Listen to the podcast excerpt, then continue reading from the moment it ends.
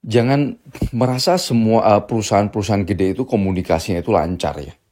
Jadi ini gue mau cerita sedikit pengalaman gue uh, soal uh, komunikasi dengan perusahaan besar.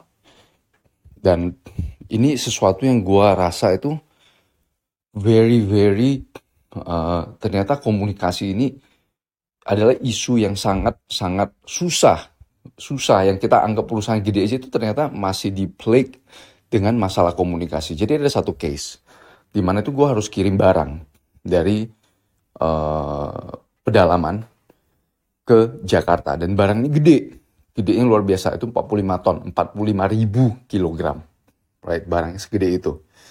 Nah barang ini mau diperbaiki di luar negeri, ya kan? Nah uh, gue dibantu lah, diminta bantu untuk lies gimana barang ini bisa dikirim ke luar negeri diperbaiki. Uh, setelah diperbaiki, dibawa kembali dan dikirim kembali ke uh, ke site, ke lokasi.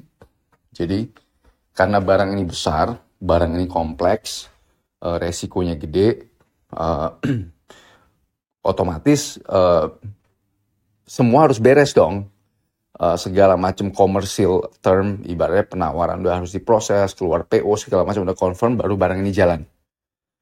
Nah jadi udah meeting sama satu divisi.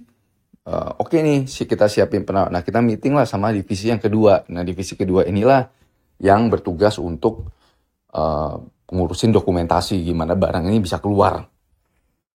Nah setelah kita meeting dengan divisi kedua otomatis dari divisi kedua kan lebih ke uh, dokumentasi, uh, bea cukai dan segala macam.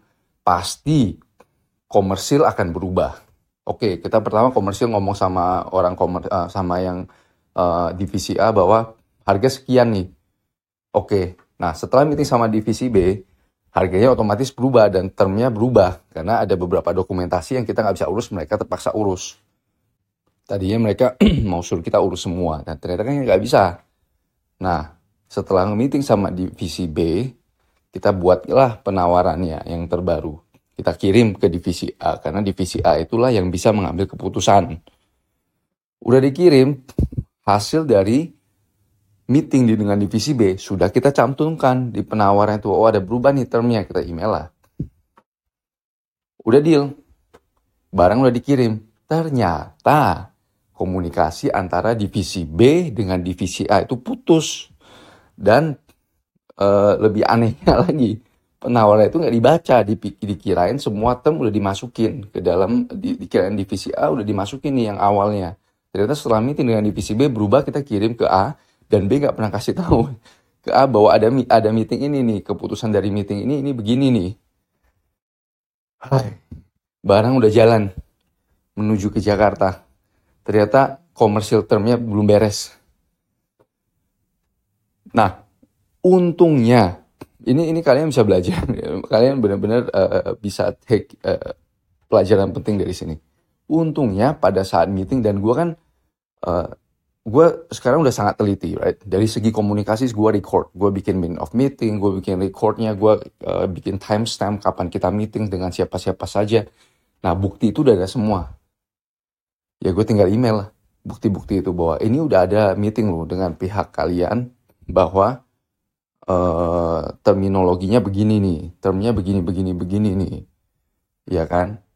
Tolonglah uh, di di uh, diberesin antara internalnya kalian, jangan banyak pintu, jangan banyak pintu yang bisa ngambil keputusan dan komunikasi antar pintu itu harus jelas.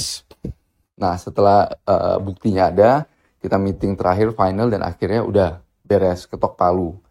Term terbaru lah yang dipakai karena memang mau nggak mau harus pakai term yang terbaru. Dan udah jelas uh, oh miskomunikasi di mana. Dan gue email oh ini nih ada miskomunikasi uh, pada tanggal sekian sekian sekian sekian kita meeting. Ternyata hasil meeting itu nggak disampaikan. Right. Jadi jelas. Nah kalian harus belajar itu. Jadi semua meeting yang melibatkan orang banyak harus dicatat siapa-siapa saja yang ikut di timestamp di capture screen itu menjadi bukti kalian apabila ada kasus, ada case, ada miskomunikasi. Jadi kita bisa rangkum, right? Intinya komunikasi itu apa? Intinya adalah semua pihak jelas, semua pihak pihak tahu apa yang akan dikerjakan. Itu inti dari komunikasi. Nah ini kan kita uh, pihak gua sama divisi B jelas, divisi A nggak jelas. Nah meeting inilah dan bukti itulah untuk memperjelas uh, tugas masing-masing termasuk divisi A, right? So ingat communication, communication dan perusahaan besar pun banyak masalah komunikasi, right? Jadi jangan cuman jangan merasa perusahaan besar yang udah segede itu uh, bebas dari uh, masalah komunikasi. Nah, ada satu lagi nih kasus yang lucu nih, uh, Revlon kalau kalian uh, ingat ada masalah uh, ada kasus Revlon di mana uh, salah satu bank di India uh, mencairkan uang sampai jutaan dolar ke Revlon yang sebenarnya nggak boleh dicairin. Ada miskomunikasi dari VP yang mengirim uang itu, yang mengapprove uang itu. Iya kan? Jadi jangan jangan merasa uh, perusahaan besar itu komunikasinya itu bagus. Jangan merasa. Jadi kita harus selalu pegang bukti. Kita harus selalu pegang berasumsi bahwa shit can happen dari segi komunikasi. Right? So, yes, hopefully you guys can learn something from this. See you guys at the next one.